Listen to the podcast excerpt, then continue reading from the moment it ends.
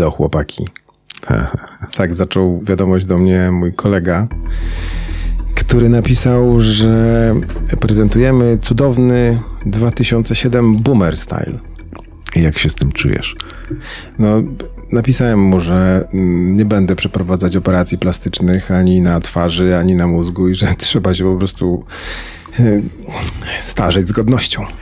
To jest nasz wspólny kolega swoją drogą, e, więc e, pozdrawiamy w naszym wieku. Pozdrawiamy kolegę w naszym wieku. Pozdrawiamy. A trochę młodszy kolega też mi komplement sprzedał. To sypią się informacje od słuchaczy. Naprawdę, słuchają nas. No sami prosiliśmy zresztą. Tylko mm, znajomi są mniej nieśmiali w komplementowaniu. Znaczy, no, nie wiem, czy by się odważyli na krytykę. I mój kolega z kolei pisze, że mamy znośne suchary. A ja sądziłem, że taki dowcipny jestem. Dobra, boomer style i suchary to absolutnie w parze idzie świetnie. No ale dobrze, że nie, nie, nie nawiązują w opinii, że jesteśmy, nie wiem, Strasburgerami naszego pokolenia. No przyjdą, przyjdą z tym. No tak czy inaczej, dziękuję, dziękuję bardzo za wszystkie uwagi, a rzeczywiście dostajemy ich e, sporo. Ty dostajesz, ja dostaję, razem dostajemy. Wszystkie bierzemy sobie do serca. Wszystkie, może nie wszystkie, ale częściowo je będziemy wprowadzać. Na pewno będziemy lepsi. Jak zwykle. Ale nie młodsi. Tak, jak zwykle i przez cały czas niektórzy mówią, że jesteśmy za dłudzy, niektórzy mówią, że jesteśmy za krótcy. My zostajemy tak jak było. Cudowny 2007 Boomer Style z sucharami Leszka e, i z naszymi aksamitnymi głosami.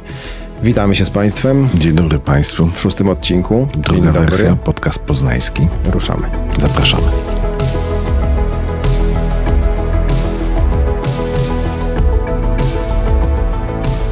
Dzisiaj mamy, jak zwykle, właściwie troje gości.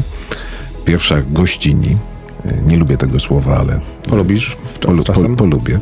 Więc pierwsza gościni e, będzie nam opowiadać i odpowiadać na pytania o tradycję, ale nie tylko tą wielkanocną tylko w ogóle o tradycje, polskie tradycje. Tak, będziemy rozmawiać o tym, czy to jest jedna tradycja, czy tych tradycji jest dużo i nawet o majonezie trochę rozmawialiśmy.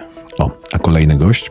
A kolejny gość to, to człowiek, który wie wszystko o suplementach, których y, na rynku w Polsce jest tyle, że ktokolwiek przyjeżdża do Polski i włącza polską telewizję, jest zszokowany tym, jak my jesteśmy świetnie pewno wyleczeni przez te wszystkie suplementy na wszystko, na co się da. Będziemy rozmawiać o suplementach dla nas wszystkich, dla takich szaraczków, ale też o suplementach dla sportowców, które są dosyć specyficzne i powiemy o tym, które działają. No i trzeci gość. Trzeci gość, który muszę się przyznać, znam go lata całe w różnych wersjach i w różnych zawodach, a obecnie od e, kilku dobrych lat jest znakomitym autorem, znakomitym pisarzem. No dobra, no, ja go komplementuję, ale mam nadzieję, że również sukcesem okaże się jego... Dostałeś książkę pewnie autografem. Nie dostałem, nie dostałem. Chcę zarobić na mnie. Ale autograf poproszę, bo przesiadł się na nową działkę dla siebie, która jest bardzo w Polsce popularna i życzę mu również na tym polu sukcesu, czyli zajął się kryminałami. Tak, słyszałem, że opowiada, jak to ciężko jest być pisarzem, czyli pewno chce przekonać ludzi, żeby nie robili mu konkurencji i żeby nie pisali książek. Ale trochę wiedząc o tym fachu, powiem, że to jest ciężko, bo to nie jest tak, że zresztą o tym też rozmawiamy, że to nie jest tak, że sobie człowiek wieczorem po kolacji siada, nalewa lampkę wina i nagle spływa na niego wena i do rana ma napisane pół książki. To nie Niektórym tak. spływa pewno.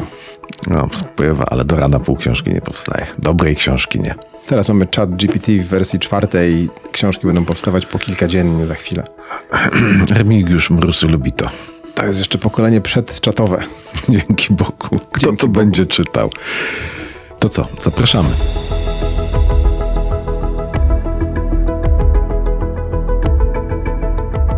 Przedświąteczny odcinek zaczynamy od rozmowy z e, panią Anną Weroniką Brzezińską z Instytutu Antropologii i Etnologii UAM która opowie nam właśnie o tradycji, ale niekoniecznie tylko świątecznej, niekoniecznie religijnej, po prostu polskiej. Pani profesor, czy istnieje coś takiego jak e, polska tradycja, wspólna polska tradycja?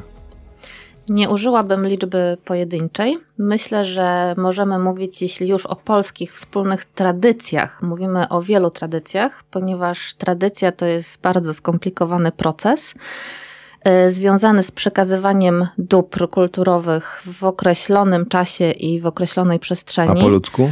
A po ludzku chodzi o to, że tak jak wielu nas współtworzyło i nadal współtworzy wspólnoty lokalne, regionalne, a w konsekwencji wspólnotę polską oraz y, narodową, każdy z nas y, wychodzi trochę z innych źródeł. Czyli nie ma polskiej tradycji. Są polskie tradycje. Polskie tradycje. Także myślę, że tak jak każdy z nas jest różny indywidualnie, tak samo współtworzymy nasze rodziny. Nasze rodziny się różnią, nasze społeczności lokalne, nasze społeczności regionalne, Wielkopolska, Mazowiecka, Góralszczyzna, Kaszubszczyzna i tak dalej. Y, I tak samo myślę, że możemy później rozszerzyć ten krąg poza Polskę. Możemy mówić o tradycjach, które są inspirowane, czy mają wspólne źródło w tradycjach słowiańskich. Możemy wreszcie mówić o tradycjach europejskich, które mają przecież korzenie y, w historii judeo-chrześcijańskiej. Czyli jak usiądzie pięciu Polaków, to możemy mówić o tym, że jesteśmy w pięciu różnych tradycjach i święta można zrobić na pięć różnych sposobów.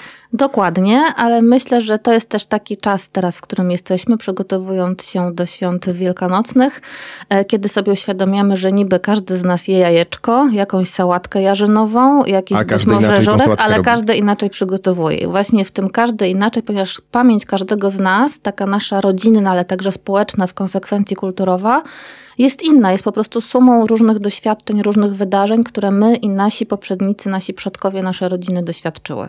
A ile czasu trzeba, żeby coś stało się tradycją? Po pierwsze tak, nie da się wyliczyć ile lat ma tradycja. Y, Są oczywiście różne teorie naukowe. Generalnie w tradycji chodzi o następstwo pokoleń, o przekazywanie, żeby jedno pokolenie przekazało następnym. Jedna koncepcja naukowa mówi o tym, że wystarczy coś raz przekazać, czyli powiedzmy ja coś przekażę swoim potomkom, czy pan przekaże coś swoim dzieciom, czy osobom z najbliższego jakby kręgu rodziny i już wtedy możemy mówić, że to raz zostało przekazane. To już jest tradycja. I już możemy mówić o tradycji. Kolejna koncepcja mówi, że coś musi być dwa razy przekazane, że to nie wystarczy raz przekazać, tak? Czyli taka transmisja międzygeneracyjna, międzypokoleniowa mówi o tym, że powiedzmy dziadkowie przekazują swoim dzieciom, dzieci przekazują swoim dzieciom, czyli mamy jakby trzy pokolenia. Przy czym trzeba też pamiętać o tym, że pra- tradycja jest procesem. To nie jest zbiór zasad, tylko to jest sposób przekazywania oraz sposób, mówiąc tak kolokwialnie, takiego obrabiania tego, co otrzymaliśmy od naszych przodków. To w takim razie, czy tradycją jest już na przykład składanie życzeń przez Facebooka albo oglądanie Kevina w święta?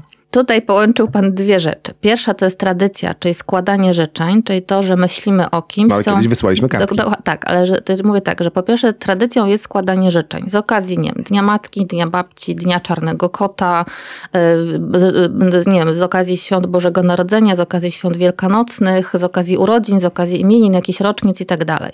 To jest tradycja. Natomiast potem mówimy o sposobie przekazywania tradycji ponieważ możemy tradycję przekazywać w sposób bezpośredni, czyli taki jak powiedzmy, nie wiem, ja w domu się uczyłam piec pierniki, moja prababcia uczyła swoją córkę, czyli moją babcię, babcia moją mamę, moja mama uczyła mnie i tak dalej, więc to jest sposób bezpośredni. Natomiast współcześnie mamy różne kanały komunikacyjne, z których korzystamy bo lubimy, bo to jest modne, bo jest dostęp, bo coś zostało wymyślone, bo jest szybciej, bo jest łatwiej, ponieważ w tym samym momencie możemy dotrzeć z naszymi życzeniami, ciepłymi myślami jakichś ważnych dla nas osób w tym samym jakby momencie. Zatem tradycją są życzenia. Natomiast Facebooki, Instagramy, SMS-y, różnego rodzaju inne kanały są sposobem przekazywania, podtrzymywania tej tradycji. Czyli składając życzenia na Facebooku, podtrzymujemy tradycję. Składania Nie życzeń. jest to nic Nie. wyjątkowego. Nie jest to nic wyjątkowego. A Kevin? Myślę, że możemy Bo to już też- jest przekazanie pokoleń. To już jest rodzice przekazują Dokładnie, dzieciom. to jest przekazanie, podobnie jak oglądanie znachora przy okazji wszystkich świąt, e, nie wiem, z kalendarza takiego dorocznego, religijnego, ale także świąt narodowych w Polsce, czy powiedzmy oglądanie Potopu, czy Pana Wołodyjowskiego. E, Możemy też mówić o czymś takim jak tradycja środowiskowa. Czyli nie tylko taka genetyczna, przekazywana z pokolenia na pokolenie w rodzinie, ale także środowiskowa. I tu możemy powiedzieć, że jest, wytworzyła się pewnego rodzaju wspólnota związana jakby z oczekiwaniem na pewne takie rytuały, ponieważ tutaj też możemy przez trady- z tradycjami, czy z tradycją też jest ważne to, że chodzi o powtarzalność pewnych gestów, powtarzalność pewnych y, symbolicznych jakby zachowań.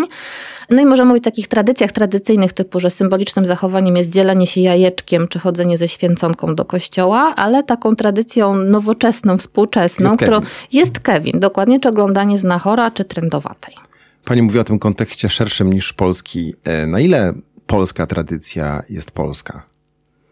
Jest na tyle polska, na ile my ją uznajemy za polską. Tak, no jak już wszystko mówię, możemy uznać za polską. Ależ oczywiście, Tradycję. ale też każdy z nas coś innego uznaje za, za polską. Mamy oczywiście pewien kanon narodowy, którego jesteśmy uczeni w szkole. Który też trudno będzie pewno złożyć. Tak który tak też będzie pewnie, pewno trudno złożyć, no ale to może, że tak powiem, wychodząc do jakiegoś najprostszego przykładu, możemy powiedzieć, nie wiem, uczymy się od przedszkola, uczymy się, nie wiem, hymnu, że Polska to jest Wisła, że piękna Polska jakby nasza cała i tak dalej.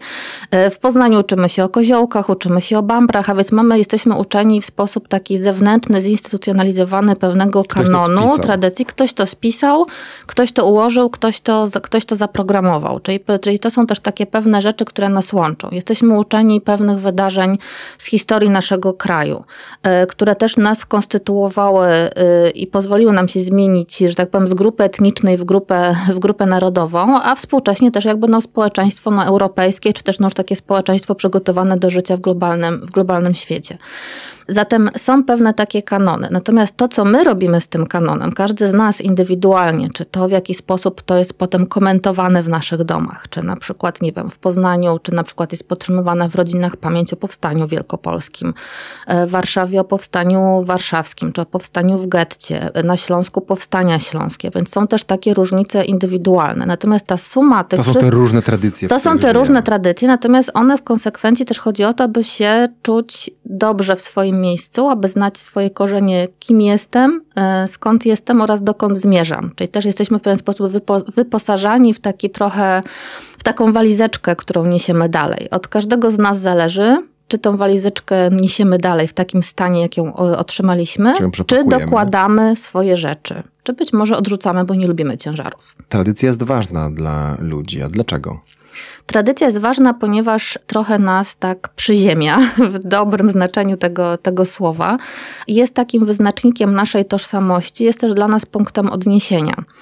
E, natomiast e, nie dla wszystkich jest ważna w taki sam sposób. E, tak jak już mówiłam, tradycja jest procesem, a więc podlega przemianie, podlega interpretacji, podlega reinterpretacji tak jak się zmienia nasze otoczenie, tak samo my zmieniamy często w sposób bezwiedny naszą tradycję. Tak? Przykładem tego są na przykład różnego rodzaju ozdoby związane z, że tak powiem, w ogóle też taka właśnie trady nowa tradycja ozdabiania swoich domów, swoich drzwi, swoich okien, przygotowywania swoich e, mieszkań.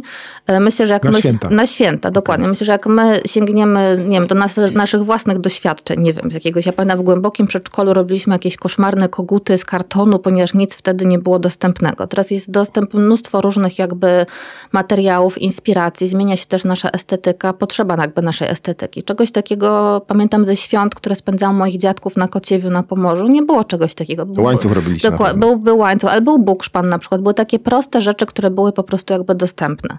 Jesteśmy teraz no, nieco zamożniejszym e, społeczeństwem. Stać nas też, przynajmniej część nas, stać na to, aby też wydawać dodatkowe pieniądze na ozdóbki no, różnego no, które rodzaju. Które są dostępne, bo wtedy tych Dokładnie, które nie są dostępne dostępne, ale też podlegają pewnego rodzaju unifikacji. Tak? Jakby są różne trendy, mody TikTokowe, Instagramowe, Facebookowe i tak dalej e, w zakresie estetyki, które, które jakby do nas docierają i to też jakby pokazuje, tak, że jakby tą tradycję interpretujemy ją na, na, na właściwy sposób zgodnie z okolicznościami, w których funkcjonujemy. Tak, na przykład tak zinterpretowaliśmy walentynki. Tak zinterpretowaliśmy walentynki, tak zinterpretowaliśmy Halloween, e, tak jest też cały czas na przykład interpretowana Noc Świętojańska, bardzo też, że tak powiem, bardzo w sposób ludyczny jakby obchodzona. Jest to też e, włączenie jakby rodzaj takiego, nie wiem, zakończenia roku szkolnego, e, roku, nie wiem, roku akademickiego, rozpoczęcia wakacji, jest wreszcie ciepło i tak dalej. Gdybyśmy sięgali do korzeni tych tradycji, zwyczajów, one mają rzeczywiście jakby często wieloletni, wielowiekowy jakby rodowód. Można znaleźć źródła, natomiast też musimy pamiętać, że każdy, kto znajduje źródło, interpretuje je na właściwy sposób. Natomiast potem przychodzimy my, lud, tak, i robimy ludzie i robimy sobie z tym to, co chcemy, jakby we własny sposób. Natomiast podsumowując ten wątek, do czego nam tradycja, są takie wyznaczniki w czasie, w ciągu roku, ale też w ciągu jakby naszego życia, które nas y, tak właśnie przyziemiają. Tak jakby jesteśmy na tym etapie życia, dla nas jest ważne to, teraz robimy to. Byliśmy młodzi, to być może mieliśmy w nosie pewne tradycje, być może do pewnych rzeczy dojrzewamy, być może coś, co kiedyś odrzuciliśmy, jednak okazało się, że jest dla nas ważne, bo jest na przykład związane z pamięcią bliskich nas osób, które już odeszły. No i wybieramy sobie te tradycje, które chcemy I wybieramy kultywować. sobie te tradycje i wydaje mi się, że to jeszcze raz będę mówiła, będę Okay. powtarzała, tradycja jest procesem i każdy z nas ma prawo zdecydować, co sobie bierze, co z tym robi i w jaki sposób to dalej, mm, to dalej przekazuje. Mówi Pani o tym e, zakorzenieniu w przeszłości, jeżeli chodzi o tradycji. Czy tradycja w takim razie nie jest e, przeciwieństwem postępu? Czy ona nas nie, nie ściąga za nogi i mówi, dobra, już, już tego nie rób, bo to nie jest zgodne z tradycją? Myślę, że tradycja może być takim elementem wykorzystywanym do y, tego, aby na przykład ludzi ostrzegać. Nie rób, bo to już nie wiem, to już nie będzie nasze tradycyjne, nie będzie nasze polskie, bo nie wiem, zaniknie nasza tożsamość. Nie wiem, mi tam nic nie zanikło. Y, Nie uważam się za osobę szczególnie tradycyjną, ale pewne elementy są jakby dla mnie ważne i staram się jakby podtrzymywać, kultywować, przekazywać dalej w taki sposób, w jaki dla mnie są one jakby istotne. Wybieram sobie. Także ja bym raczej te tradycje traktowała jako taki właśnie katalog. Są oczywiście rodziny, osoby czy wspólnoty, nie wiem, religijne, czy wspólnoty takie lokalne, czy regionalne, dla których y, ważne jest bycie taką ostoją tradycji, Tak, że to jest nienaruszalne. to jest nienaruszalne. Dla nich to jest istotne, jest to czynnik ich jakby tożsamości, si trzyma ich przy życiu, być może pomaga, tak? Być może obchodzenie świąt w taki sposób, w jaki zawsze się powiedzmy według nich by obchodziło, pomaga im przetrwać, nie wiem, codzienność, która być może jakby nie jest łatwa. Ale rozumiem też osoby, które odrzucają y, i które wymyślają sobie jakby nowe, nowe sposoby. Czyli z jednej strony niby odrzucają, ale z drugiej strony niby nie celebrują jakiegoś danego święta, tak? Ale jednak ten, ten czas jakoś starają się zaznaczyć. Y, Święta No, Wielk- zaznaczają chociażby na przykład święta tym, że to są dni wolne od pracy. Dokładnie. Właśnie chciałam powiedzieć, że te święta wielkanocne stały się w ciągu ostatnich kilku lat, jeśli nie kilkunastu lat, takim właśnie dla niektórych jest to, że są takie święta bardziej takie lekkie, ponieważ to Taka wczesna Naro- majówka. Taka wczesna majówka, właśnie wolne, y, wiosna, światło, jesteśmy po zmianie czasu, można gdzieś wyjechać, można się zresetować, można odpocząć. No właśnie, to, to od razu pani przerwę. Mhm. To chyba te wyjazdy to już są też taką powoli, stają się tradycją, tak? Świąteczną. Tak, myślę, że tak, ale to się też myślę też trochę wzięło z tego, że w momencie, kiedy zaczęliśmy być takim społeczeństwem migracyjnym, czy teraz bardziej jesteśmy społeczeństwem postmigracyjnym, ym, związało się to z tym, że no, też jakby na, y, wracało się do domów rodzinnych na święta, czyli ta tradycja wyjazdów jakby była. Y, Z różnych powodów ludzie teraz nie mogą, pandemia to też zmieniła, że nie można było jechać na przykład do domu, bo się baliśmy, No, żeby... to był rok. To... No to był rok, ale to też trochę tak zweryfikowało, tak, że się okazało, że na przykład po nie raz w roku nie pojechaliśmy, to za rok, a to jak raz nie pojechaliśmy, to nie musimy drugi raz. Wszyscy żyją, wszyscy byli zadowoleni, nikt się nie zdenerwował, nie zirytował, nie było szaleństwa, jakiegoś Babcia stania w korków. No dokładnie, tak jakby znaleźliśmy sobie właśnie alternatywne sposoby podtrzymywania tradycji, ale te same wyjazdy moim zdaniem one się, że tak powiem, tak trochę przekształciły właśnie z takich wyjazdów, powrotów rodzinnych, e, że nagle się okazało, że ten wyjazd z domu może być też właśnie jakby odpoczynkiem, że nie trzeba tylko do rodziny i z rodziną, tak? I z że jest rodzin- fajnie, jak i że- ktoś te święta przygotuje, że jest a nie fajnie, jak ktoś przygotuje, albo jak w ogóle nie będzie jakichś elementów świątecznych, że chodzi na przykład, ważniejsze jest bycie razem i odpoczęcie i pogadanie, albo nie wiem, poleżenie, poczytanie, oglądanie jakichś filmów i tak dalej, wyjście na jakiś wiosenny spacer, czy uprawianie jakichś sportów, niż siedzenie i napychanie się sałatką z majonezem. Czyli została tradycja tego, że mamy wolne i że odpoczywamy, a znikła tradycja związana z tą całą chrześcijańską otoczką. Tak? Może nie do końca znikła, bo jednak to jest jakby Wielkanoc bardzo mocno jakby naznaczona jakby chrześcijaństwem, tak? Natomiast myślę, że wybieramy sobie właśnie z tego te elementy, które są dla nas ważne. Ale jajko to nie jest chyba element chrześcijański. tak? Jajko nie jest element chrześcijański, Zając? kurczaczek też nie, zając też Kurczaczek? nie, zielona gałązka też nie. Natomiast one są, nie chcę używać słowa zawłaszczone, bo jest trochę krzywdzące, ale są właśnie, o właśnie, że chrześcijaństwo dokonało reinterpretacji symboli, które funkcjonowały w tych społecznościach przedchrześcijańskich, ponieważ właśnie było to ważny element, niezbywalny tej nadchodzącej wiosny, odradzającego się życia, przygotowania się jakby do nowego roku gospodarskiego, takiego też jakby związanego z pracą na polu. Jednak jesteśmy społeczeństwem wywodzącym się z społeczności rolniczych, gdzie przyroda i pogoda i jakby, że tak powiem, ziemia były najważniejsze. A zatem chrześcijaństwo dokonało inkorporacji, czyli wciągnęło, tak, jakby do Powiedzieli, macie święta, Macie, tylko trochę inne. macie święta trochę inne, dodało jakby, czyli właśnie zreinterpretowało na nowo, dodało jakby pewne elementy, no związane oczywiście jakby z religią, z religią chrześcijańską. No i te długie trwanie chrześcijaństwa, no też się zmieniało, ponieważ te święta też w różnych latach, jak sięgniemy do źródeł, były w różny sposób, w różny sposób obchodzone. Nawet wystarczy, nie, nie trzeba sięgać daleko, wystarczy, nie sięgnąć do opisów Oskara Kolberga z XIX wieku. To jest zaledwie ponad 100 lat temu. To są zaledwie, nie wiem, 4-5 pokoleń wstecz, tak? Jakby te święta wydają nam się, jakbyśmy zupełnie opisy o czymś nie wiadomo o czym czytali, tak? A to są nasze święta. My Ich jesteśmy, święta to to ich święta, ale też tak naprawdę naprawdę nasze, no bo my też część tych świąt, pewnych rytuałów, zachowań, symboli, gestów, sposobów gotowania e, jakby zachowaliśmy, ale właśnie poddaliśmy procesowi tradowania, tak? Czyli wybraliśmy sobie to, co możemy i to, co chcemy dalej podtrzymywać. Zaczęliśmy trochę rozmowę o tych tradycjach chrześcijańskich. To ja chcę zapytać o to, dlaczego i czy to jest prawda, to co powtarzają politycy prawicowi, że fundamentem naszej cywilizacji obecnej jest y, tradycja chrześcijańska. To ja bym teraz, y, odpowiadając na pytanie, zadała pytanie naszej, czyli czyjej, bo ja się z tym nie utożsamiam, a chociaż jestem, moi, moja, moja rodzina, moi potomkowie są związani z ziemią wielkopolską, z Pomorzem, z Polską, tam od x lat i tak dalej.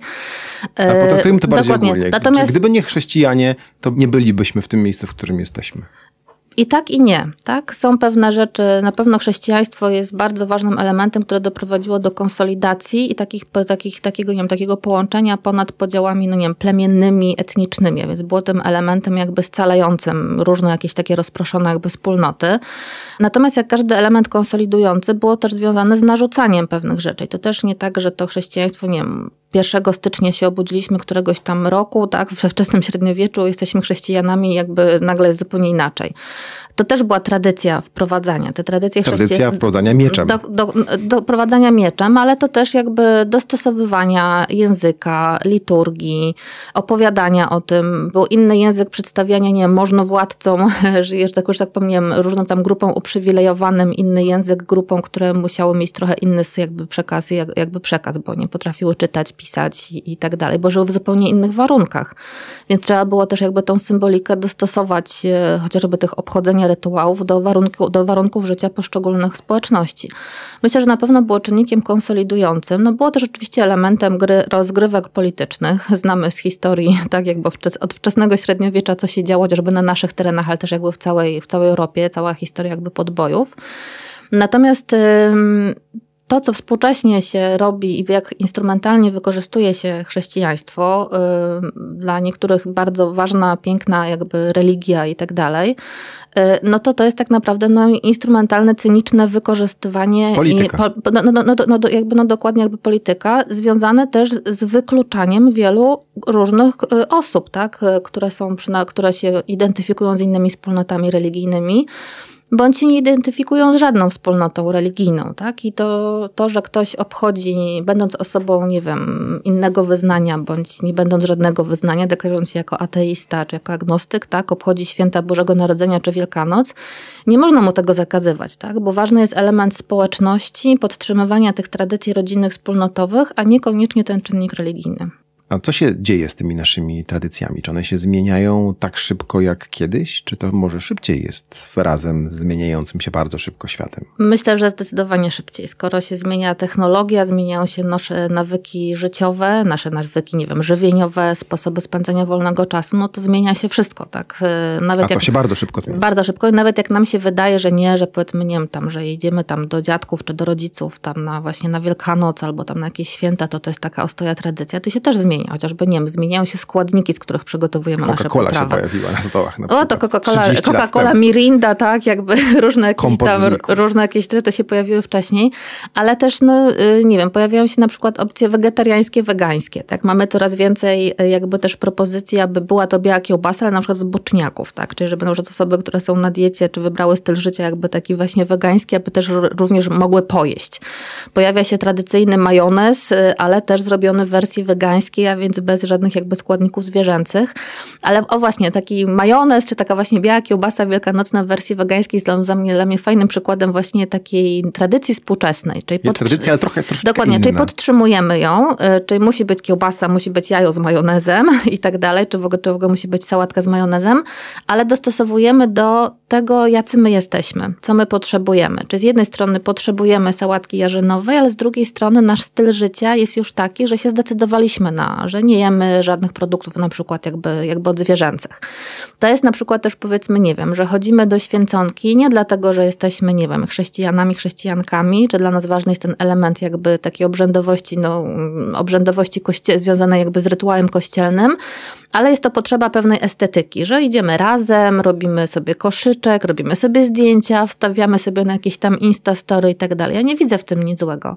To jest jakby fajne, tak jakby, że potrafimy miksować, zresztą no w ogóle cała, cały nasz dorobek kultury jest takim jednym wielkim miksem, jest właściwie nieustanną reinterpretacją przeszłości, dostosowywania do obecnych warunków. No pani się to podoba, mi pewno też, ale dla wielu to jest zagrożenie jednak tej takiej tradycji tradycyjnej. Ja myślę, że nie, że trochę tak przestajmy demonizować tych innych, którzy są jakby, ale też myślę, że fajnie, że w każdej grupie są tacy tak zwani strażnicy tradycji, no bo gdyby oni nie pilnowali, nie opowiadali, jak to było kiedyś, to, to, do, to byśmy zupełnie się rozpełzli, ale no też myślę, że w każdym życiu, powiedzmy, że nie każdego, ale powiedzmy w większości z nas nadchodzi taki moment, że nas interesuje, jak to się stało, że tak jest.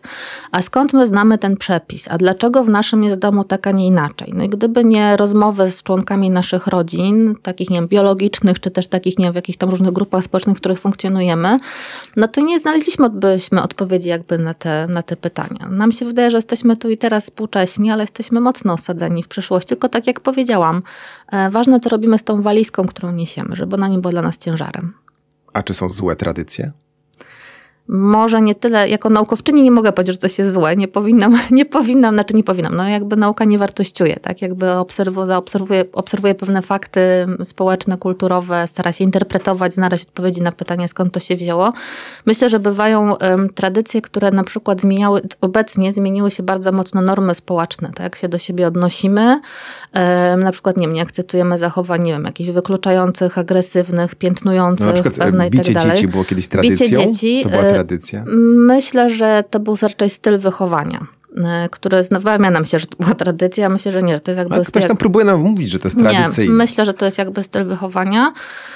Chociaż no niestety no, historia ludzkości jest historią agresji, no bo wojny i podboje, tak? Natomiast myślę tu o takich tradycjach, na przykład, nie wiem, e, taki obrzęd tradycyjny związany z takim tradycyjnym kalendarzem jakby ludowym, wiejskim, to było wyprowadzenie, utopienie marzanny, tudzież wyprowadzenie śmiercichy.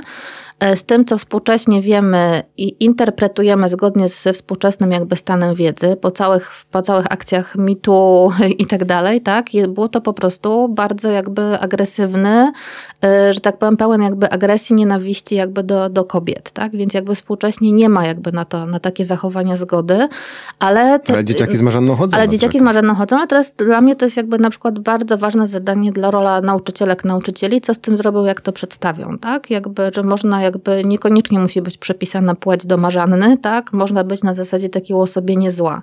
Więc to jest też właśnie kwestia tego, co my z tym, z tym robimy współcześnie. Pani jako naukowiec e, może spojrzeć w przyszłość. Jak e, będą wyglądać polskie tradycje za 100 lat?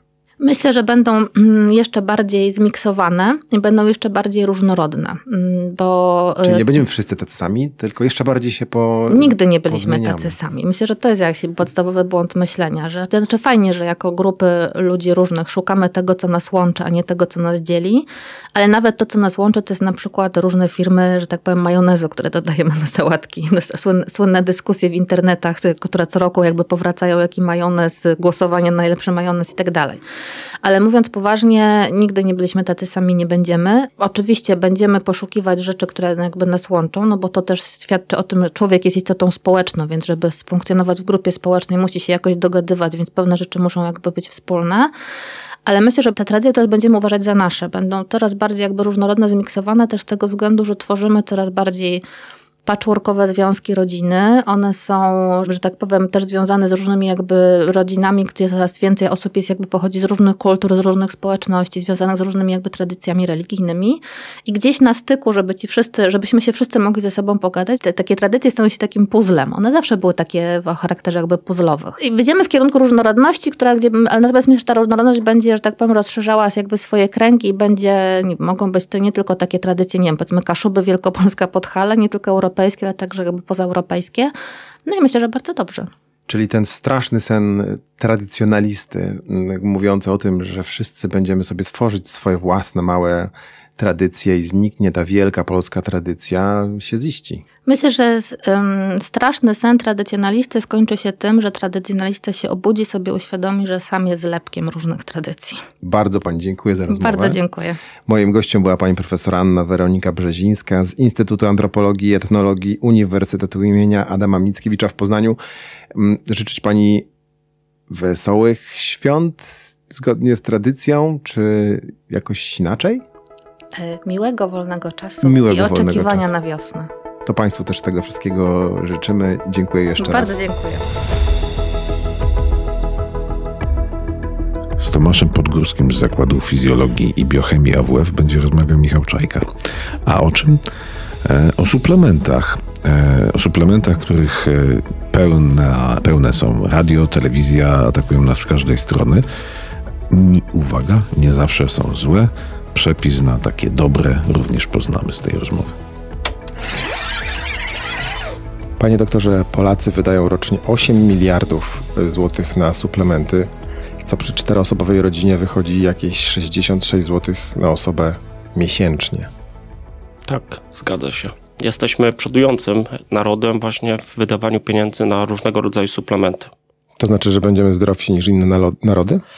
Tak wyglądałoby, ale ze statystyk, chociażby z ostatnich dni, wynika, że zdrowsi nie jesteśmy, że występowanie chociażby nowotworów po okresie pandemicznym no jest większe, prawda?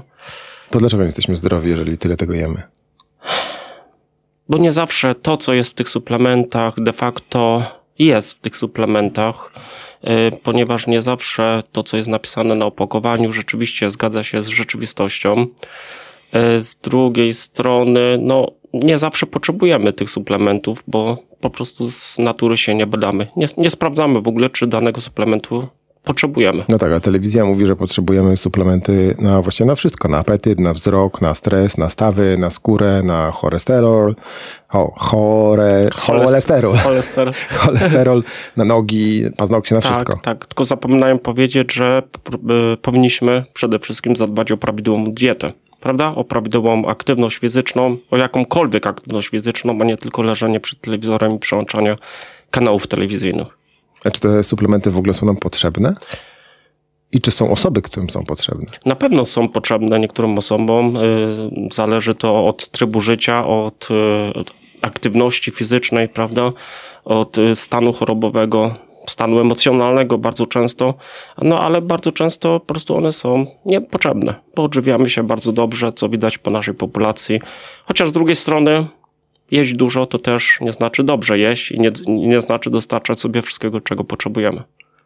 Wydajemy 66 zł miesięcznie. Skąd ta popularność w takim razie suplementów, skoro tak naprawdę ich nie potrzebujemy, tak? Na co dzień zajmując się jak gdyby tą problem, problematyką, no muszę jak gdyby być na bieżąco. Y, studenci bardzo często do mnie podchodzą, pytają się o jakiś konkretny suplement.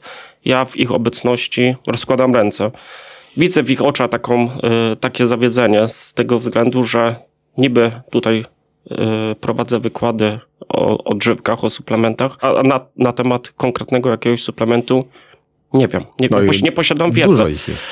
No i właśnie, według e, danych z końca zeszłego roku, w samym 2021 roku wprowadzono na rynek ponad 22 tysiące suplementów nowych. diety, nowych suplementów. Oczywiście to nie są nowe substancje bardzo często, tylko po prostu preparaty o nazwach komercyjnych. No, inaczej nazwane. Inaczej nazwanych lub po prostu dodatek jakiś do istniejącego już suplementu, który ma nową nazwę, no i ciężko się po prostu w tym rozpoznać. Jest tu pewnie jakaś strategia firm produkujących te odżywki, żeby je po prostu sprzedać. Czy każdy nowy produkt można trochę inaczej zareklamować? Na pewno. Na pewno. Zawsze można powiedzieć, że istnieje nawet jakaś jednostka chorobowa, która de facto w y, nomenklaturze medycznej nie występuje. Ludzie się po prostu na to, brzydko mówiąc, łapią. No i być może też słabość naszej służby zdrowia jednak. Pewnie tak. Bo jednak nie ma nic prostszego niż zapytać lekarza, czy powinienem to brać i czy to jest dla mnie dobre.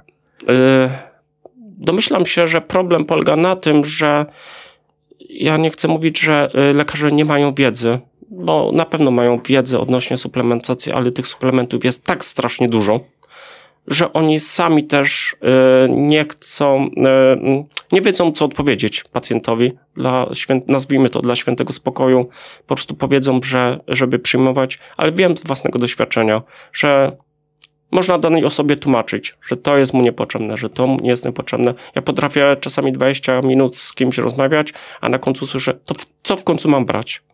No właśnie. To, I to jest przerażające, że po prostu ludzie. Że nic po prostu. Że po nic. prostu zdrowo jeść. Zdrowo jeść. A często o tym zapominamy, prawda? E, traktujemy suplementy jak, jako podstawy często naszej diety. Zapominamy o tym, żeby prawidłowo się odżywiać. Ja jestem osobą, która nie suplementuje. Nie suplementuje się, e, ale, ale regularnie w miarę na przykład robię sobie poziom witaminy D prawda? Żeby y, dla celów tak naprawdę e, badawczych, badawczych studenckich, żeby pokazać też, studenci zresztą mogą to potwierdzić, żeby pokazać, czy to się zmienia, czy się nie zmienia, czy wyjazd do jakiegoś słonecznego kraju poprawia ten poziom witaminy D, e, podnosi go. I rzeczywiście tak jest. I tak naprawdę. Czyli wyjazd na wakacje podwyższa panu poziom witaminy tak, D. Tak, przede wszystkim. I to jest udowodnione naukowo tak, na mojej własnej osobie jest, że podwyższa poziom witaminy D i... i... Czy nie suplementuje pan w ciągu roku? Tylko wyjeżdża pan na wakacje? Ja, ja nigdy nie, nie suplementowałem witaminy D to, yy, i, mimo wszystko, że nie suplementowałem, a odżywiam się, mam nadzieję, tak na, racjonalnie, yy, to yy, mimo wszystko ten poziom witaminy D mo, może nie jest bardzo wysoki, ale jest w normie. To po co je mam? Suplementować, skoro mimo wszystko y, ta witamina D jest. Zrobiłem ostatnio też doświadczenia, y, lubię robić doświadczenia sam na sobie. Y, kupiłem suplement witaminy B12, żeby studentom pokazać i kończył się termin ważności, a mówię, dobra, przyjmę tą witaminę B12 jako już taki poznanie, jak mówię, szkoda wyrzucić. I stosowałem przez a 40 dni przyjąłem dawkę witaminy B12 za 1600 dni. Aż w końcu studenci powiedzieli, koniec panie doktorze, czas skończyć, oznaczyłem witaminę. Nie chcemy pana stracić. Tak, no chyba tak, mimo wszystko. E, mierzyłem sobie witaminę B12 przed suplementacją, po suplementacji. Powiem szczerze, że studenci mnie tak nastraszyli, że idąc oddać krew ostatniego dnia e, mojego eksperymentu, sam się trochę wystraszyłem. Mówię, no kurde, być może... Być może zaszło za daleko. Za daleko, być może przesadziłem. Y, Kim ma zawsze dwa końce, witaminy są potrzebne, a z drugiej strony no, mogą też zaszkodzić. E, sam się boleśnie o tym przekonałem, e, kończąc na ostrym dyżurze, ale to z inną witaminą C konkretnie. E, ale poszedłem przed suplementacją, miałem z tego co pamiętam poziom witaminy B12 600. Po suplementacji, biorąc dawkę, no 1600 dni. To, to jest bardzo dużo. Spadło do 400. To samo przez siebie mówi. O skuteczności tego suplementu. O skuteczności tego suplementu. Ja, ja byłem w szoku, studenci byli w szoku, nie potrafimy tego wytłumaczyć. A pytał pan producenta? Nie, nie pytałem. A czym różni się suplement od leku? No jest zasadnicza różnica, ponieważ jeżeli w nazwie y, występuje lek, y, jest to taka substancja, która musiała przejść przez co najmniej pierwszy etap badań klinicznych, czyli musiała być jakaś grupa osób, której podawany był ten lek i sprawdzany był chociażby wchłanialność tego leku do organizmu. Suplement de facto nie musi mieć takich badań. Jedyne badanie, jakie musi producent zdobyć, to po prostu badanie y, sanepidowskie na czystość mikrobiologiczną. Najwyższa Izba Kontroli sprawdziła, że te badania trwają czasami nawet 14 lat, a, a ten suplement przez cały czas jest na rynku. Zgadza się. No i, no i co, i kupujemy rzeczy tak. kompletnie nieprzetestowane, nieprzebadane? Tak, ja z samego z własnego doświadczenia e, wiem, że po prostu suplementy czasami obecne na rynku, kiedy poddaję takiej podstawowej analizie jakościowo-ilościowej, może ilościowej nie, może jakościowej, no bardzo często okazuje się, że tak naprawdę nic nie idzie tam wykryć, przynajmniej takimi przesiewowymi analizami. Z drugiej strony po prostu bardzo często mam wrażenie, że to jest po prostu zmielona trawa lub po prostu skrobio. Niestety. A kto może robić suplementy? De facto każdy.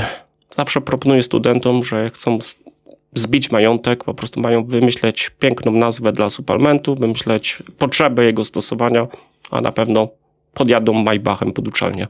I ktoś wyda pieniądze na to. A to na pewno. Trzeba być po prostu, jak to moja babcia mówi, obebrotnym. A propos obebrotności, Tak. y, betoniarka, trochę poroszku Też. i dobra nazwa. Dokładnie, dokładnie. I tak Im, to się Im bardziej skomplikowana, tak, im bardziej, yy, że tak powiem, niosła reklama, tym się lepiej po prostu sprzeda. Trzeba po prostu społeczeństwu wmówić, że tego potrzebują. No to jeżeli suplementy czasami są nam potrzebne, to jak znaleźć te dobre? Ciężka odpowiedź. Ciężko pan wzdycha, tak, żeby odpowiedzieć. tak, ciężko, ciężko na, ten, na to pytanie odpowiedzieć, bo sam do końca nie wiem, tak naprawdę. Zawsze uważałem, że jedy, jeżeli dany suplement jest sprzedawany w aptece, to możemy być raczej przynajmniej po części pewni, że będzie to substancja, która rzeczywiście się tam znajduje i rzeczywiście może pomóc, ale życie pokazuje, że czasami podstawowe takie informacje na temat wchłaniania danego suplementu, pod, yy, postać po prostu tego suplementu, która powinna być w danym preparacie, nawet w aptece jest w ten sposób podana, że Czyli O- obecność y, suplementu w aptece nie gwarantuje jego skuteczności. moim zdaniem nie. Niestety, ale nie. A czy jest coś, co gwarantuje? Czy są w ogóle takie suplementy na rynku, które po prostu można kupić i brać? Też mi ciężko na ten temat powiedzieć. E, Znaczy, mam zaufanie, nazwijmy to, do dużych firm farmaceutycznych, które produkują jakieś tam e, leki i jednocześnie no, również suplementy. Ufam temu, że one są jakieś lepszej, dobrej jakości, ale też nie, nie ręczę tym tutaj głową To może odwrócę pytanie. Czego unikać w takim razie kupując suplementy? Na pewno ja, jeżeli kupowałbym jakikolwiek suplement, raczej szukałbym firmy, która ma historię. Zacznijmy od tego. Historię, jakąś dobrą renomę. Jest to raczej duża firma, której nie, po prostu nie stać na to, żeby wypuścić bubel na rynek, bo y, zła reklama zrobi więc, y, większej szkód niż, niż po prostu zyski uzyskane ze sprzedaży po prostu takiego lewego y, lewego suplementu, prawda? Nie do końca działającego. Tak. Czyli nie unikniemy researchu, sprawdzania, przygotowywania się do wizyty w aptece? No niestety nie. Z czego wynika, że te mm, y, suplementy są tak niskiej jakości? Z braku kontroli? Tych suplementów jest tak dużo na rynku, że a analizy są tak długotrwałe, jak pan sam wspomniał, i z drugiej strony bardzo kosztowne, że te kontrole są wyrywkowe. Tak? Czasami, czasami dany suplement przejdzie test pozytywnie, wielokrotnie nie przechodzi tego testu, no ale tak naprawdę co kto komu zrobi, po prostu no może być ewentualnie informacja, która i tak nie jest rozpowszechniana, że no, w danym suplemencie yy, albo jest za niska zawartość substancji czynnej, albo wręcz przeciwnie, jak, jak pokazują badania właśnie z tego 2021 roku, są substancje zakazane, które w sporcie mogą się okazać dyskwalifikujące dla, dla takiego atlety, ponieważ nawet były przypadki, że a, wychodziły pozytywne testy antydopingowe wśród sportowców po spożyciu suplementu dostępnego ogólnie na rynku. Czyli do suplementów ogólnie dostępnych na rynku dodawane są substancje, które co mogą też uzależniać na przykład? Nie, uzależniać może nie. Po prostu są to substancje na bazie hormonów sterydowych, yy, ogólnie yy, nazywanego dopingu, chociażby sportowego. W jaki sposób one się tam znajdują? Powiem szczerze, nie mam zielonego pojęcia. Mo mogę się ewentualnie domyśleć, że nie do końca jest czasami czyszczona taśma, prawda, z, yy, z poprzedniej partii produkcji, no i po prostu to zanieczyszczenie yy, po prostu wynika z niedbałości. A może z chęci mm, zwiększenia skuteczności tego, mm, tej substancji? Być może tak. Być może tak. No, ciężko mi jest na ten temat powiedzieć. No. Przygotowując się do tej rozmowy, znalazłem na przykład w internecie listę tak zwanych e, legalnych, pochodnych sterydów. Tutaj musimy rozróżnić dwa rynki. Jeżeli chodzi o, czy sterydy są legalne, to zacznijmy w ogóle od tego, ale y, musimy też y, tutaj rozpoznać rynek taki konsumencki od rynku sportowego. Związki o budowie sterydowej są w sporcie zakazane przez Międzynarodową Organizację Antydopingową, prawda? I wykrycie minimalnych ilości takiej substancji u sportowca no, dyskwalifikuje go, czasami po prostu łamie nawet kariery. Z drugiej strony, no wiadomo, że ten rynek jest. Jest to no, czarny rynek, nazwijmy to. Te substancje są stosowane, można powiedzieć, chyba powszechnie nawet na siłowniach, prawda? I nie tylko, ponieważ są to preparaty przeznaczone do szerokiej gamy odbiorców. A testosteron na pewno będzie do wzmocnienia masy mięśniowej, zwiększenia masy mięśniowej, do zwiększenia siły, ale są inne suplementy, y, DHEA, tak zwany hormon młodości, przeznaczony dla kobiet y, w okresie okołomenopauzalnym, żeby podnieść Samopoczucie. samopoczucie, chociażby samopoczucie i żeby nie było takich efektów właśnie y, około menopauzalnych, prawda? A jak te mm, produkty trafiają na polski rynek? Prawdopodobnie częściowo jest to rynek tutaj miejscowy, nasz polski. E, Tak jak dzisiaj słyszałem, zlikwidowano kilka ton nielegalnego tytoniu i było to w jakimś gospodarstwie gdzieś. Tak samo pewnie ze standardami. Co chwilę słyszymy jakieś akcje, że odkryto jakąś dziuplę, gdzie się po prostu produkuje suplementy. Spoglądając na te miejsca, gdzie one są produkowane i w jakich warunkach są produkowane, to i tak cud, że po prostu tak e, jest mało przykrych przypadków, prawda, związanych chociażby z zatruciem.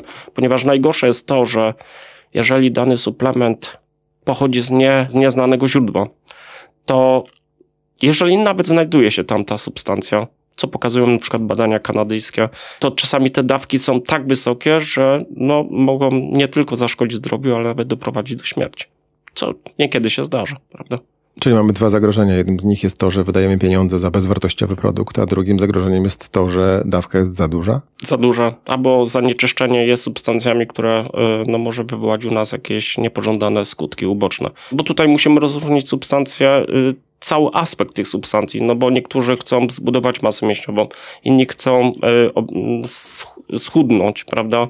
Są preparaty, które powszechnie są zakazane, y, ale istnieje czarny rynek po prostu w internecie. Zawsze wszystko można gdzieś tam kupić, Takim trendem ostatnich lat jest też to, że suplementy wyszły z aptek. One już są dostępne wszędzie. Zgadza się. Był czas, że suplementy były dostępne w aptekach, ewentualnie w wyspecjalizowanych sklepach, y, z, nazwijmy to z różnego rodzaju suplementami czy odżywkami.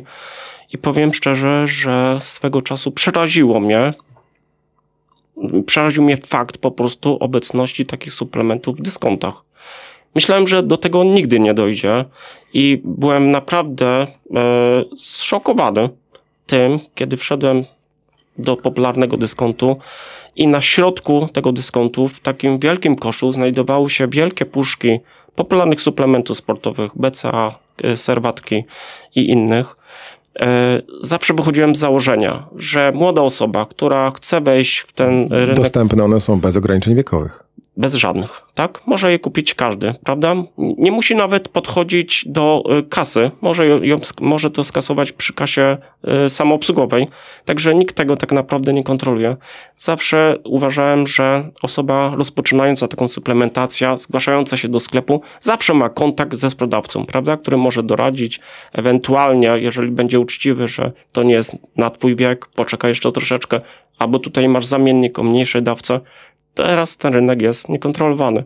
I to jest chyba najbardziej przerażające, że każdy może kupić wszystko, co mu się żywnie podoba. Czyli rozpocząć na przykład ćwiczenie na siłowni od kupienia tej wielkiej puchy suplementów. Tak. Często ludzie w ogóle myślą, że sam suplement pomoże. Prawda? Są suplementy, po których rzeczywiście się rośnie, tylko ludzie nie zdają sobie sprawy, że przybierają na masie ciała, mają wrażenie spuchnięcia, ale ostatecznie okazuje się, jeżeli robi się analizę składu ciała, że ten, to spuchnięcie i zwiększenie masy ciała to jest po prostu na, nabranie masy tłuszczowej, a nie mięśniowej. To przyjmijmy takie założenie, że rozpoczynamy naszą karierę e, sportowca. Jakie są Pana rady? Przede wszystkim e, proponowałbym osobom, które chcą po prostu rozpocząć suplementację od tego, żeby zapoznać się, które z tych suplementów rzeczywiście są im potrzebne, ponieważ yy, tak jak Pan wspomniał, no w internecie można znaleźć najróżniejsze wskazówki, ale nie zawsze one są zgodne z prawidłami po prostu wiedzy na temat yy, wpływu suplementów na sport. Ja osobiście bym wybierał jakiś suplement, raczej zaufał, nie patrzyłbym tyle na cenę, chociaż bardzo często jest to Niestety to jest to często wyznacznik. wyznacznik tego, raczej patrzyłbym na y, po prostu mm, firmę. jednak mimo wszystko na firmę, ponieważ tak jak powiedziałem wcześniej, duże firmy, duże koncerny nie mogą sobie pozwolić na po prostu wpadki. Z drugiej strony trzeba też zaznaczyć, że istnieje kilka organizacji na świecie, które kontrolują badania, nazwijmy to w ten sposób, e, badania odnośnie wpływu tych suplementów na wydolność sportową. Jakakolwiek ona by była, czy to wytrzymałość w maratonie chociażby, czy w kolarstwie, czy e, siłę na siłowni e, i tak, czy na szybkość. No i to tak naprawdę jest dla większości osób szokujące, kiedy ja z nimi pierwszy raz na ten temat rozmawiam, że spośród tych setek, tysięcy niemal substancji działa tak naprawdę według najnowszych, najnowszej wiedzy tylko sześć. Jest ich tylko sześć. W ogóle dających jakikolwiek efekt. Efekty, tak, sportowe. Tak, spośród tych wszystkich substancji. Jeżeli chodzi o substancje chemiczne same w sobie. To gdzie znaleźć informacje na ten temat, co działa, a co nie działa? No, chyba najbardziej znaną tutaj w, w tym gronie sportowców jest tak zwany Australijski Instytut Sportu, który stricte zajmuje się tym, tą tematyką i na ich stronie na bieżąco można sprawdzać, jaki jest obecny stan wiedzy. No i według tej organizacji AIS-u no działa tylko i wyłącznie 6. I to, jest, to są najnowsze dane, bo do 2015 roku były tylko 3. Y, dodałbym jeszcze odnośnie tych suplementów, że bardzo często nie zdajemy sobie sprawy, że my z tymi suplementami spotykamy się na co dzień. Że y, one są wokół nas. No bo ja może wymienię te suplementy dla, y, dla informacji słuchaczy. Te działające. Te działające. No, no chyba najbardziej popularna sportowa odżywka to jest kratyna. Tak? Kreatyna y, bardzo popularna wśród sportowców, no bo pompuje mięśnie, jak to się powszechnie mówi, ale często się zapomina, że dobry kilogram wołowiny zawiera nawet 10 gramów kreatyny w sobie. Jedząc mięso też dostarczamy kreatynę. No ale okej, okay, to jest takie sportowe. Ale kofeina. Mamy z nią do czynienia. Kofeina jest jednym z tych sześciu tak, działających suplementów. Dokładnie, jednym z tych sześciu działających suplementów. Kofeina, którą możemy pozyskać z kawy, z herbaty. Oczywiście łatwiej jest połknąć kapsułkę, prawda, bo jest odliczona masa. Gdyby... Ale przyjemniej wypić jednak kawę. Dla mnie osobiście tak, prawda. Y, trzecią substancją są wodorowęglane. Brzmi to bardzo, bardzo tajemniczo. Często płacimy za te suplementy całkiem sporo, a to jest po prostu soda oczyszczona którą każdy ma w domu.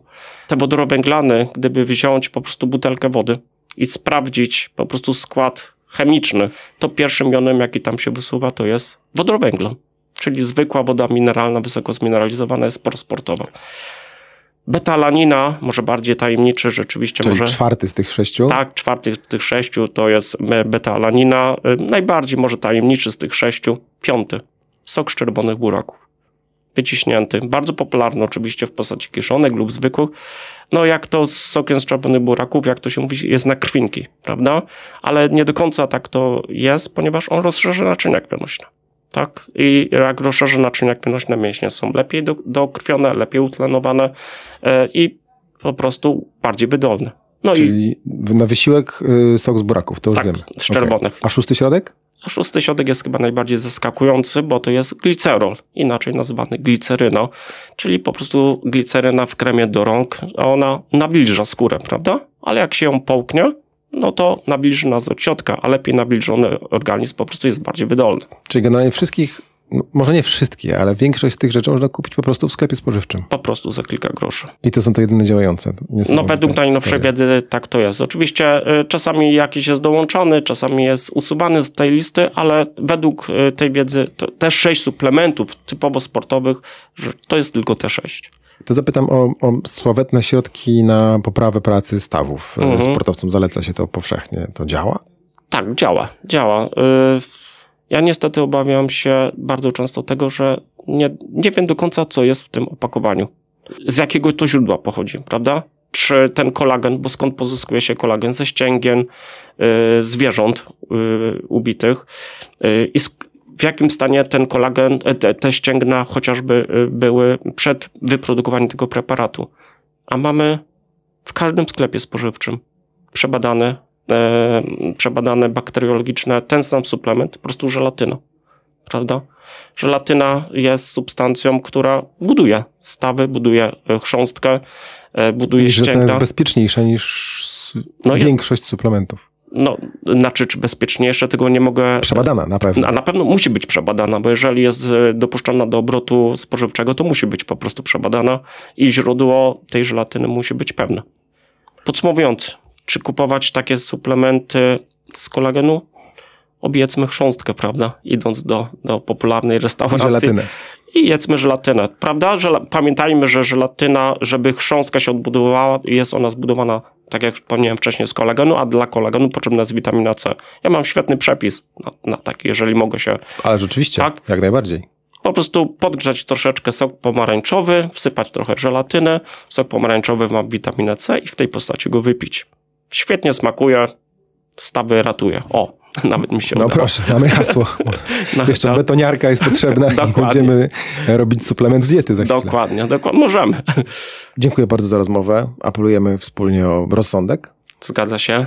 Moim gościem był pan e, dr Tomasz Podgórski z Zakładu Fizjologii i Biochemii Poznańskiej Akademii Wychowania Fizycznego. Dziękuję. Dziękuję również panu.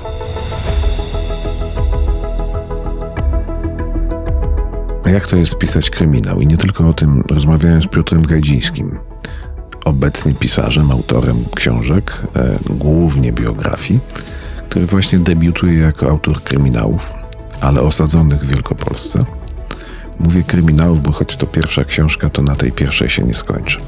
Ale usłyszycie Państwo również rzeczy nie tylko z literaturą związane. Zapraszam. Siedzi przede mną Piotr Gajdziński, autor literatury faktu przeważnie, który nagle, nie wiadomo dlaczego, postanowił napisać powieść. I to jest pytanie. Znudziły ci się fakty, czy fakty są zbyt straszne? Czy rzeczywistość skrzeczy? Jak to się stało? Nie mam pojęcia, to pewnie każdy ma taką chęć y, y, po ciągłym pisaniu o faktach y, w książkach i w publicystyce. No, przejść na trochę inny etap, albo na chwilę uciec y, w jakąś inną rzeczywistość. I chyba tak to było y, ze mną. Chciałem spróbować czegoś innego. Trochę mnie tam ludzie namawiali, znajomi. Na zasadzie, że każdy Tak poszło. szanujący się autor musi napisać kryminał. Kurde, nie wiem. nie wiem, czy tak jest.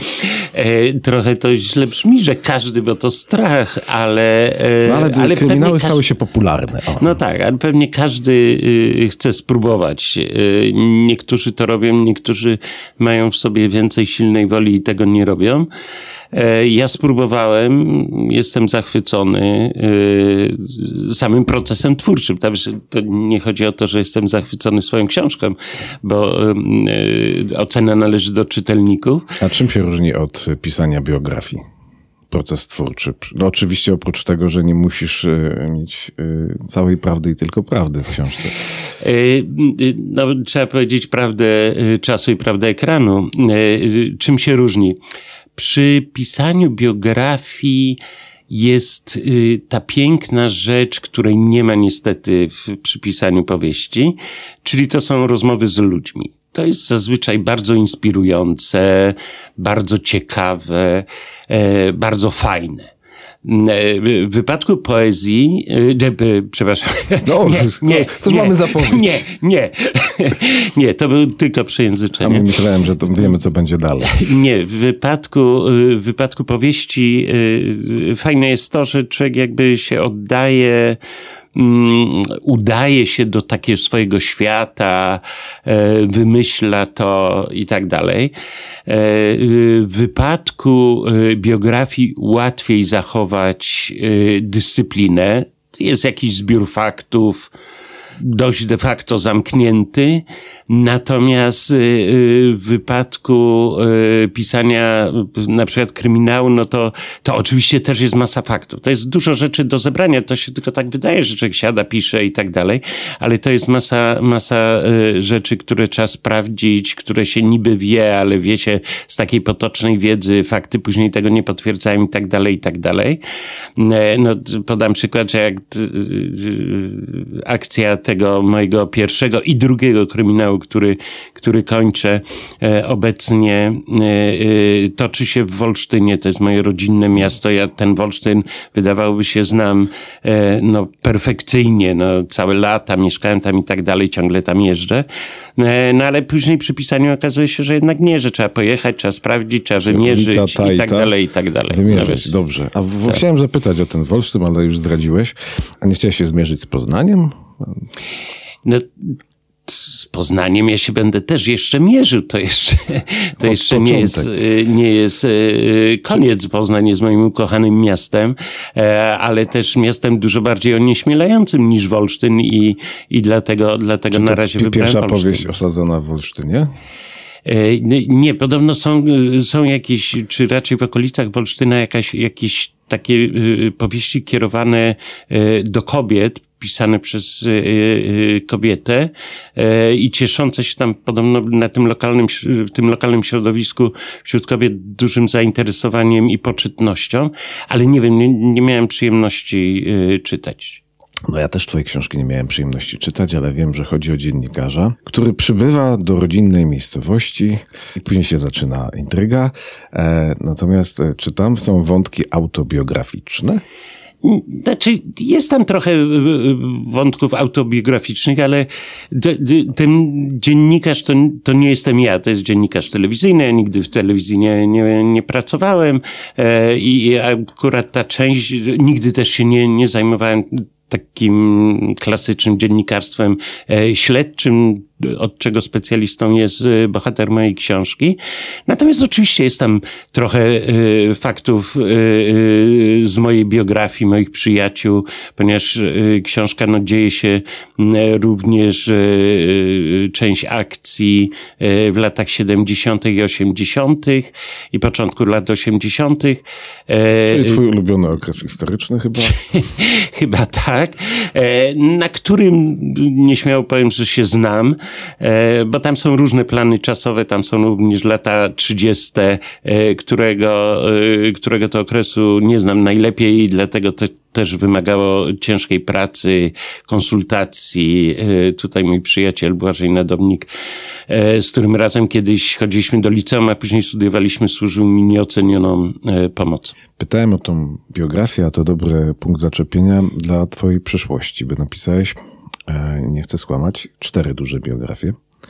Gomułka, Gierek, Jaruzelski i Mateusz Morawiecki. No, to, to, trudno nazwać biografią, to, to jest raczej biografią. bardziej taka książka e, polityczna. Ale chciałem niż... zapytać, czy jest wspólny wątek, który te książki łączy poza nazwiskiem autora? No... E, Kurczę, dałoby się go pewnie do, do, dopatrzyć. E, e, we wszystkich książkach są e, ludzie, którzy dostali się na szczyt. No powiedzmy w wypadku, w wypadku Morawieckiego to, to nie jest taki szczyt i to oczywiście nie jest taka władza, jaką posiadał zwłaszcza Gomułka i Jaruzelski, więc pod tym względem to tak nie bardzo. No ale gdzieś to są cztery opowieści o ludziach, którzy E, wdarli się na szczyt, którzy dzierżą e, dużą, czy dzierżyli dużą e, władzę mm, i tę władzę wykorzystywali, w moim przekonaniu, we wszystkich czterech wypadkach źle. Czego się wyraz daje odczuć czytając te książki. E, ale chciałem zapytać o tą przedostatnią teraz, czyli o Delfina, o Mateuszu Morawieckim, nie biografii. Tak mówisz. Czy po tej książce spotkały cię jakieś nieprzyjemności? Znaczy, po pierwsze, ja tę książkę napisałem razem z synem, to tak jest, więc e, tam jest dwóch, e, dwóch autorów i to chciałem zaznaczyć. E, nieprzyjemności tak, spotkały mnie, ale nie będę o tym mówił, ponieważ nie, nie chcę z siebie robić, e, wiem, czy najgorsza, ale nie chcę z siebie e, robić jakiegoś kombatanta. Przyjdzie na to czas i wtedy po latach, siedząc na bujanym fotelu i tak dalej. No dobrze, no to mam zepsuty ciąg dalszy, ale to nic. E, to zapytam o, o trochę inne spojrzenie, bo do, do e, obecnej książki jeszcze wrócimy, chociaż przyznam, że najtrudniej rozmawia się o książkach, których się nie czytało.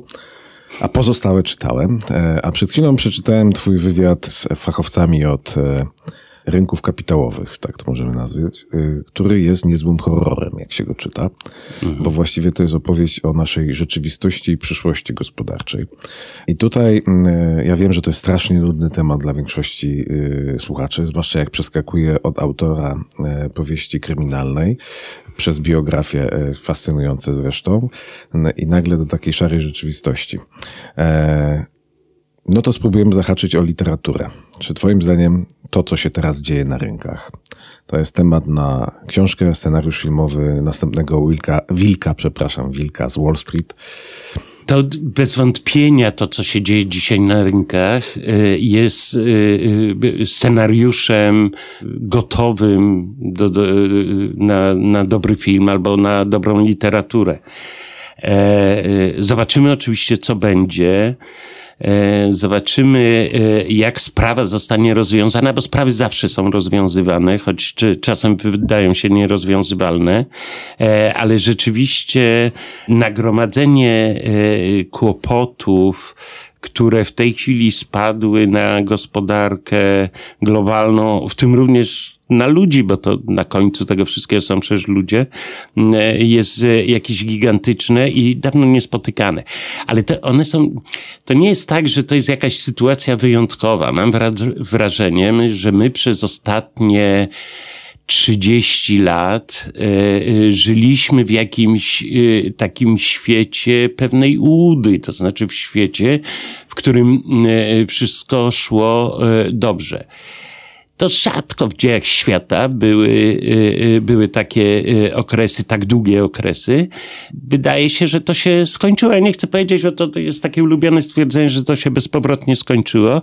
No nie, to nic nie jest bezpowrotne, ale, ale wydaje się, że, że czekają nas gigantyczne turbulencje.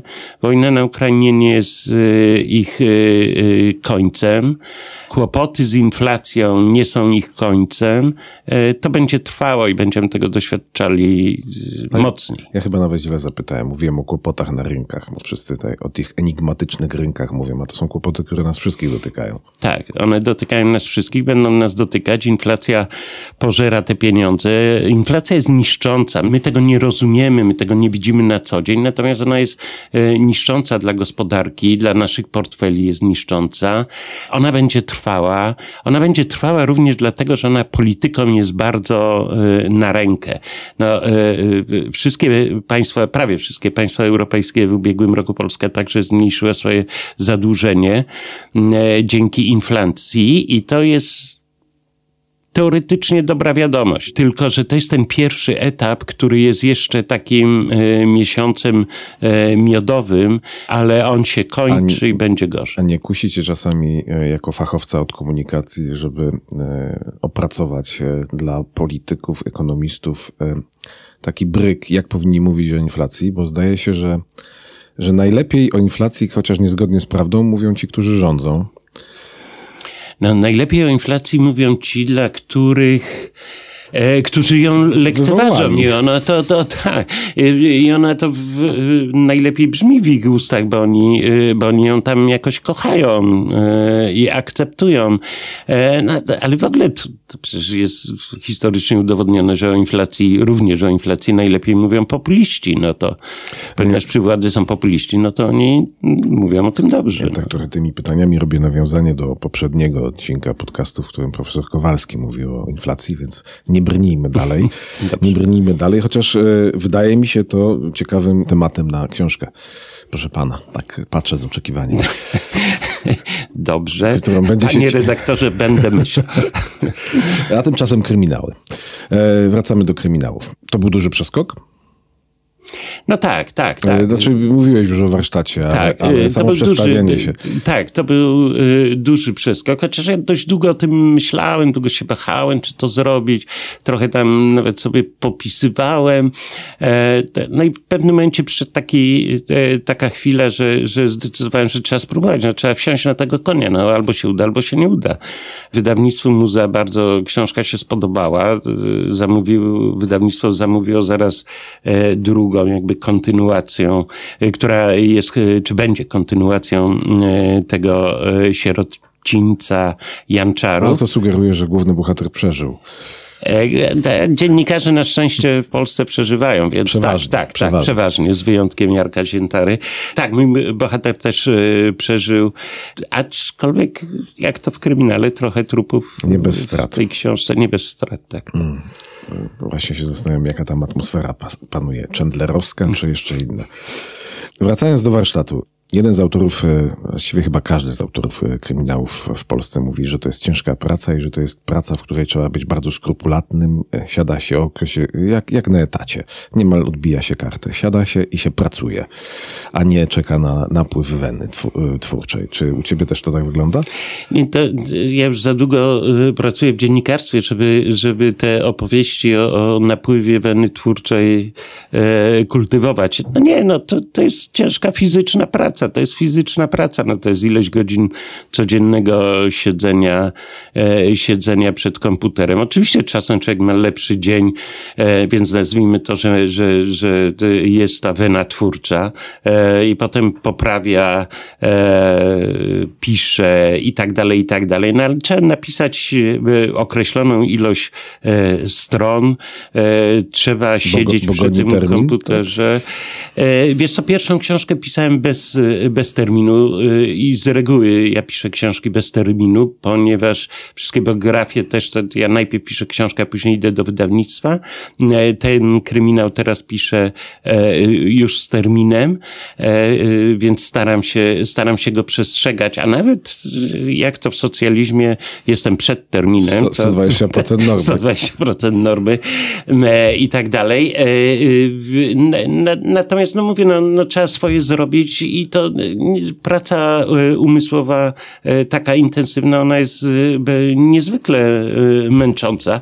I ja nie chcę tu powiedzieć, że to jest praca górnika i że pisarze powinni iść i palić opony przed Urzędem Rady Ministrów. No ale inflacja, może i tak dalej, i tak ceny dalej. książek. Tak jest. tak jest. No i też niewielka sprzedaż książek, niestety Polacy mało czytają, ale naprawdę, to naprawdę jest ciężka praca człowiek pracuje na etacie odbędni, czy nawet hmm. ciężko pracuje w ciągu 8 godzin, zamyka biureczko, idzie i tam ogląda sobie Netflixa, telewizoryk, czy tam coś tam jeszcze, albo uprawia sport. Natomiast tutaj ciężko się tego, od tego oderwać, nie? To, to jest ten moment, że grasz w tenisa, ale myślisz o tym, że kurczę, tam jednak nie, nie, nie tak to powinno wyglądać i, i już nie grasz tego tenisa, bo to wszystkie piłki y, lądują w siatce, tylko zajmujesz się myśleniem o, o tej książce i tak jest wszędzie. No jesteś gdzieś tam, nie wiem, urodziny i też o tym myślisz, notujesz sobie coś na kartce. Tak to jest, no tak to wygląda niestety. Znaczy, ja nie narzekam, bo to ma swój urok, ja to lubię. Zabijasz więc... marzenia młodych pisarzy. E, znaczy, no, no, wszyscy mamy zakodowany taki obraz pisarza z y, początku XX wieku, e, dużo absyntu, e, wina i pięknych kobiet. Nie, nie, nie. Wina czasem bywa dużo rzeczywiście. Absynt to już nie jest dzisiaj rzecz, to jest specjalnie popularna, chociaż bywa pięknych kobiet jest pewnie więcej, ale one bardziej interesują się radiowcami i, i gwiazdami telewizji. Po, pogadamy z radiowcami. Właśnie tak przypomniałem sobie, że e, co mówił e, Migusz Mróz o swoim pisaniu, to u niego to jest ciężka praca, ale rozumiem, że u ciebie nie będzie trzech książek rocznie. Nie. Czyli ile przyjdzie poczekać na ciąg dalszy opowieści Sierociniec Jan, tak Jan Czarów, tak która jest. zrobi reklamę, a niech tam będzie. Która już jest do kupienia w Empikach, tak? W Empiku jest e, w przedsprzedaży, tak, a e, w połowie przyszłego miesiąca, w połowie kwietnia wchodzi już do takiej normalnej sprzedaży w księgarni. To załóżmy, że to będzie wciągająca lektura. Załóżmy. Znam, autor, znam, znam autora, ale nie chcę przesadzać z, z komplementami. Będzie, będzie. Załóżmy, że to będzie wciągająca lektura i że w kilka nocy y, połknę tę lekturę. I, I, jak długo będę musiał czekać na ciąg dalszy?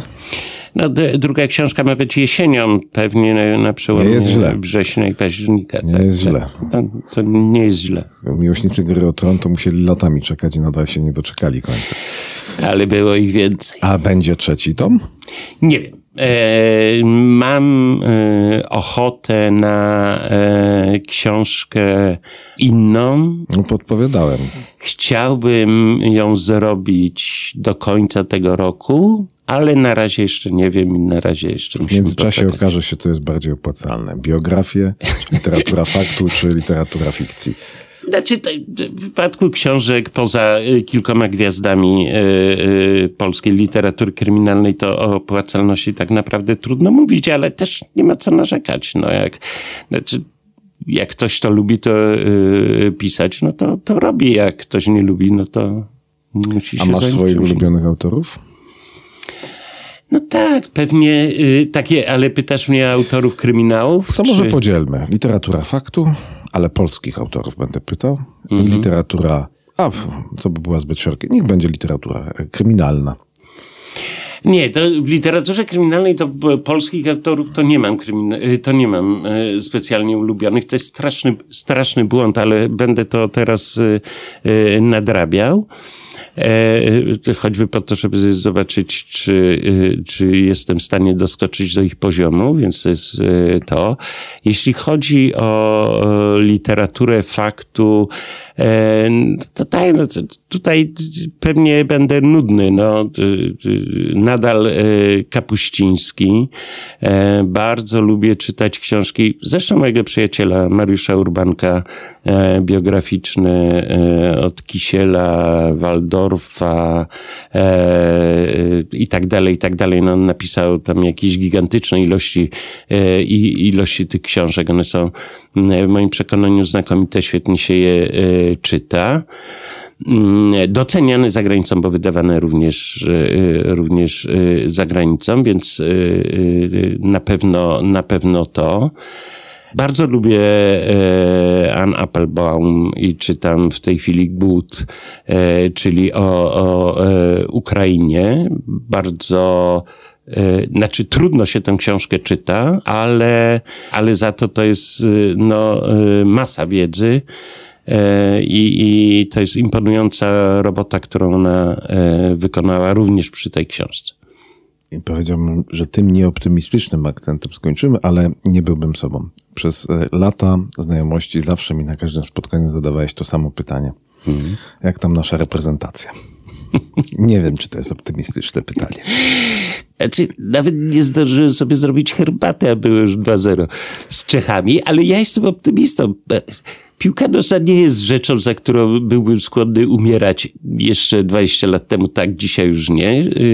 Yy, Ostatni mecz oglądałem na przemian z y, tenisem, e, czyli z Magdą Linet, która niestety też przegrała. E, Spodziewałem się remisu z Albanią po jeden. Wygraliśmy. Czesi nie wygrali. Jest, poza tym od lat mówiłem, że w Polsce jest potrzebny polskiej reprezentacji jest potrzebny trener zagraniczny. E, mamy spełniło. tego trenera, to się spełniło. Głęboko wierzę, że on coś z tymi chłopakami zrobi. Na przykład weźmie zagranicznych piłkarzy. E, dziękuję, dziękuję za rozmowę. Ja również dziękuję.